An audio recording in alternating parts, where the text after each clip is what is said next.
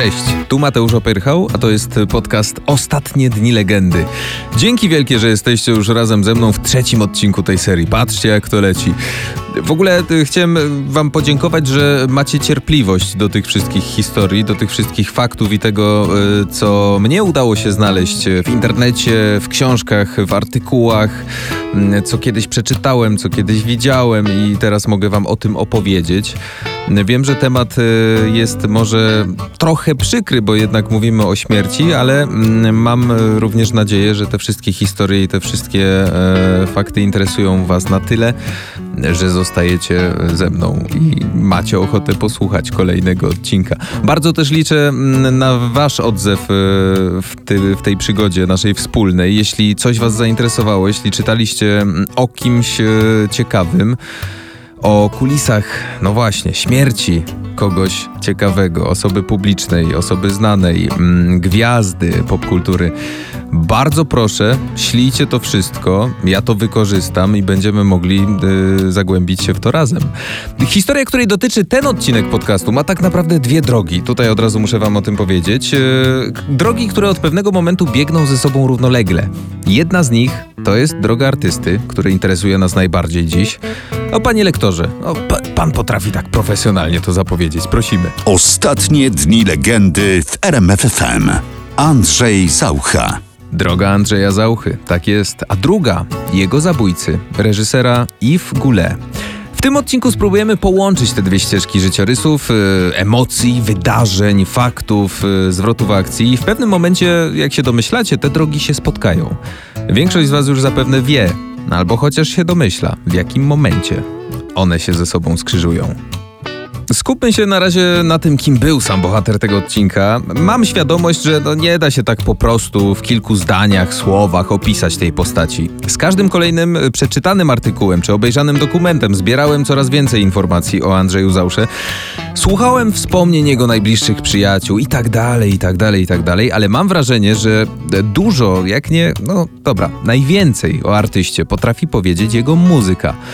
Jeśli jesteście w podobnym wieku co ja, czyli no, przed trzydziestką, no sporo na temat tego artysty opowiedzieliby wam zapewne wasi rodzice szaleli na niejednej potańcówce. Jestem w stanie się założyć, e, dajmy na to, do byłaś serca biciem. A może nawet tato pierwszy raz pocałował mamę, do myśmy byli sobie pisani, kto wie.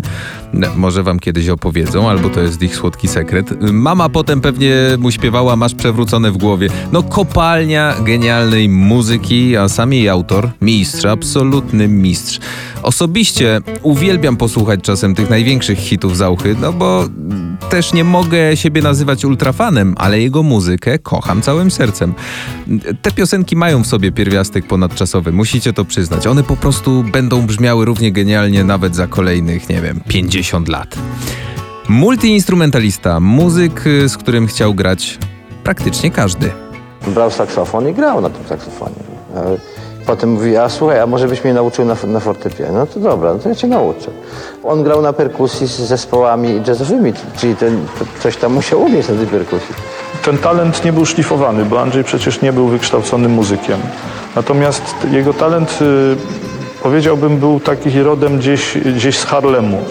On miał taki feeling, taki, taki, takie poczucie rytmu y, i taką małpią umiejętność y, imitowania, przyswajania wszystkiego. To Krzysztof Piasecki i Andrzej Sikorowski. Fragmenty z filmu dokumentalnego Miłość i śmierć Andrzeja Zauchy. O małpim talencie, jakże cennym talencie.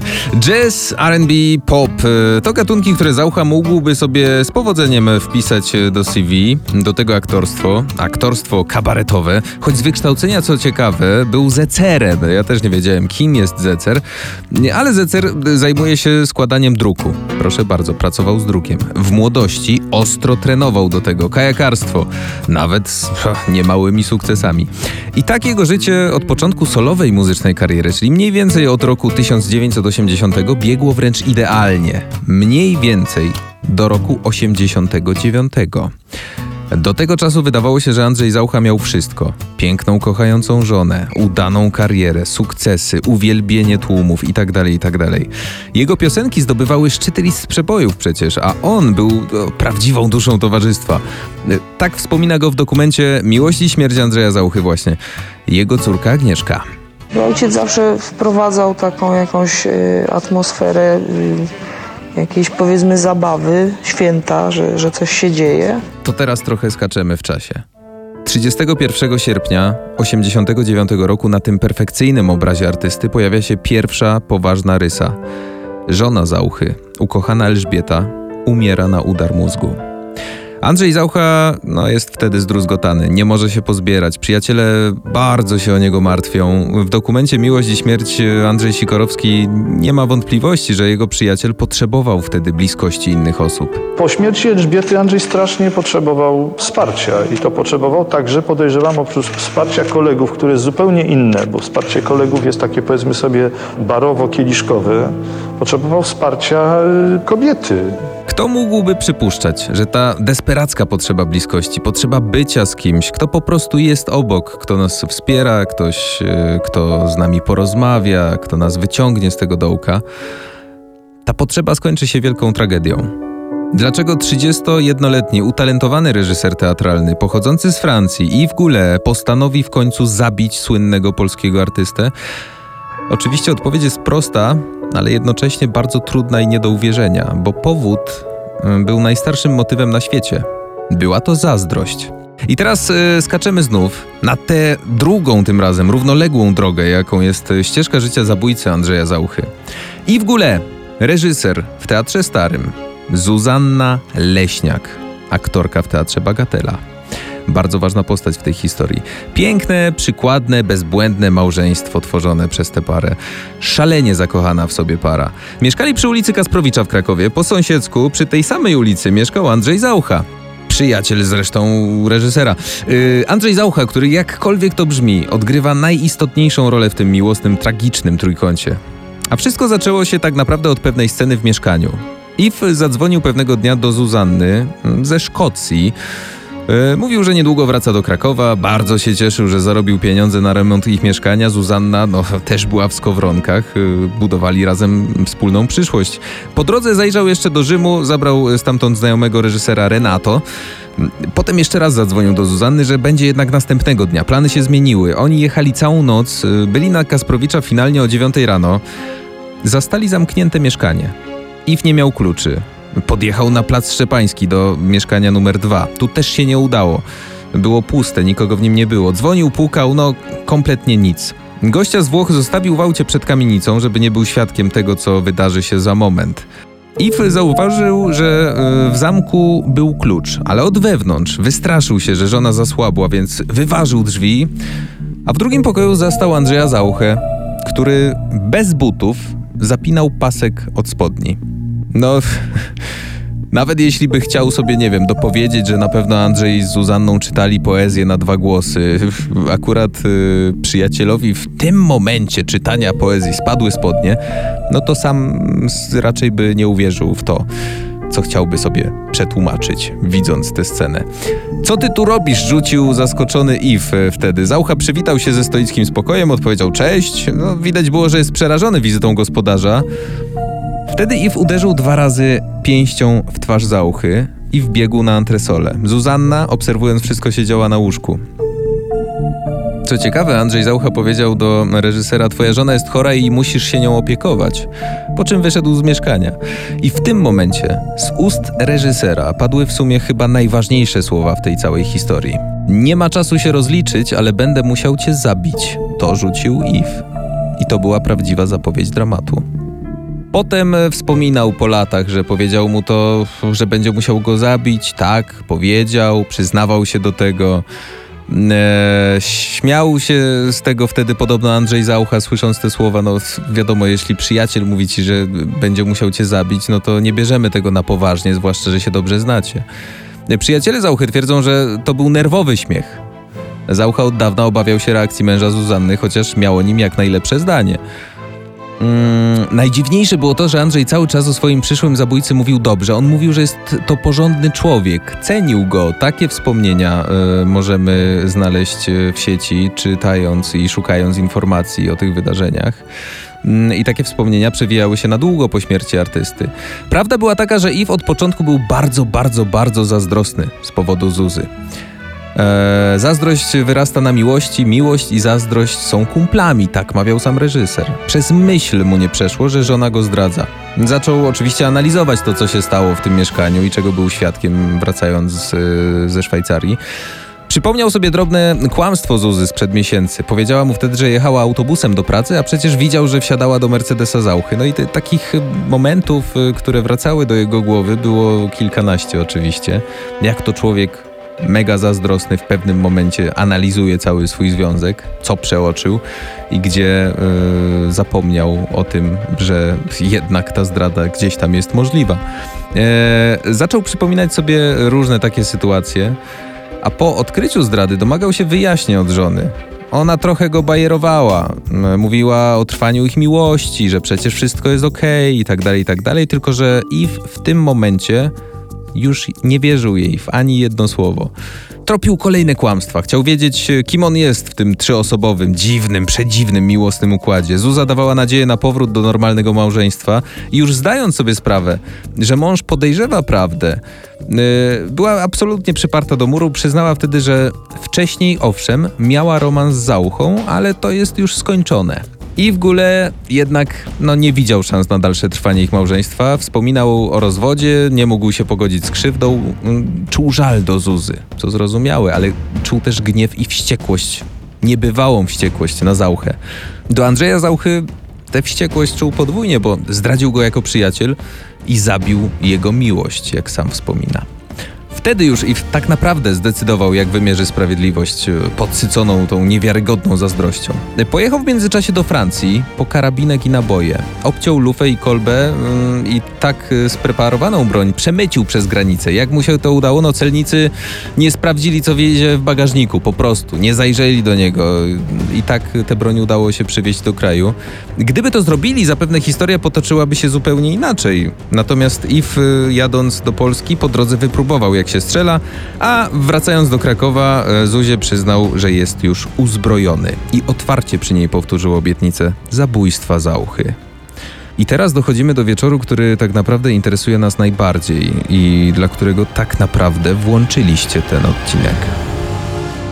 Był wieczór 10 października 91 roku. W krakowskim Teatrze Stu wtedy kończył się spektakl Pan Twardowski. Publiczność po spektaklu długimi owacjami pożegnała grającego główną rolę popularnego piosenkarza Andrzeja Zauchę. Wtedy bardzo popularnego. Nic jednak y, nie zapowiadało dramatu, który rozegra się już za chwilę. Minęła 22. Publiczność opuściła teatr i po chwili pojawił się Zaucha.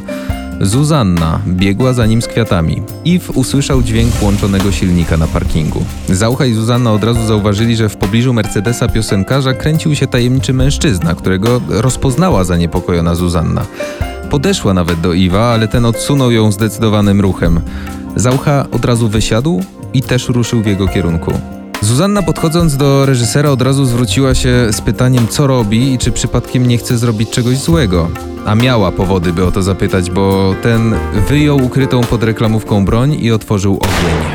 Oddał kilka strzałów w stronę Zauchy i odwrócił się.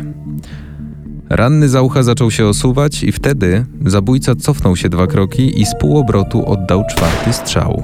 W tym momencie na linii wystrzelonego pocisku znalazła się Zuzanna. Padła obok Zauchy. Eve podszedł do niego i zmienił magazynek, po czym oddał pięć kolejnych strzałów do leżącego już bez ruchu artysty.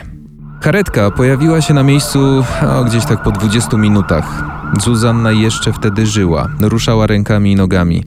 Gdy lekarz podszedł do rannej, klęcząc przy niej, yy, zobaczył policjanta, który również próbuje ją reanimować i podtrzymywał ją za głowę. No, ta szybka pomoc niestety nie pomogła. Zuzanna zmarła na stole operacyjnym w szpitalu. Kula uszkodziła jej serce i nie było szans na pomoc.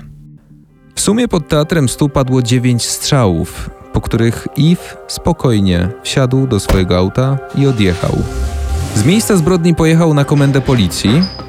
Wcześniej na ulicy Pomorskiej zauważył radiowóz. Podszedł do funkcjonariuszy i powiedział: Nazywam się Gule. Chciałem powiedzieć, że zabiłem człowieka. W moim samochodzie jest broń, a ja oddaję się do waszej dyspozycji. Tylko jeszcze wtedy nie wiedział, że na parkingu przed teatrem zabił tak naprawdę dwie osoby: Andrzeja Zauchę i swoją żonę Zuzannę tym czasie ciało Andrzeja Zauchy leżało tuż obok Mercedesa o numerze rejestracyjnym KKS 2800. Drzwi były otwarte, kluczyki były w stacyjce. Niewiele brakowało, by odjechali, tak naprawdę. To były sekundy. Obok ciała Zauchy leżała wiązanka róż i dziewięć łusek po nabojach. A nieopodal biała reklamówka, w której zabójca jeszcze przed chwilą ukrywał broń. Z policyjnej notatki można wyczytać wezwano pogotowie, które po przybyciu stwierdziło zgon mężczyzny, a kobieta była w stanie agonalnym. Według relacji świadków y, Zuzanna próbowała swym ciałem osłonić piosenkarza, mimo pomocy lekarskiej i prób reanimacji. Tak jak już wiemy, umarła w szpitalu. A w wiadomościach informacja podana była wręcz natychmiast. Pięć strzałów do Andrzeja Załuchy wstrząsnęło nie tylko miłośnikami jego talentu. Andrzej Załucha wracał wczoraj samochodem z aktorką Teatru Stu Zuzanną Leśniak. Na parkingu w Krakowie został zastrzelony z obrzynka karabinu sportowego przez obywatela francuskiego Charlesa J., męża aktorki. Piosenkarz został kilkakrotnie trafiony w klatkę piersiową i twarz. Zginął na miejscu. Jego towarzyszka według zeznań sprawcy została trafiona w serce przypadkowo, gdy własnym ciałem zasłaniała Andrzeja Załucha. Zmarła po przewiezieniu do szpitala. Sześć dni po tej tragicznej nocy Andrzej Zaucha został pochowany na cmentarzu batowickim w Krakowie. Prasa odnotowała, jak tragiczną, ale jakże piękną była ta ceremonia. Podczas przesłuchania, kiedy Iw dowiedział się, że zabił również swoją żonę Zuzannę, rozpłakał się. Wpadł w spazm, przekonywał policję, że chciał zabić wyłącznie jej kochanka. Zauważył, że żona padła na ziemię, ale uznał, że zemdlała.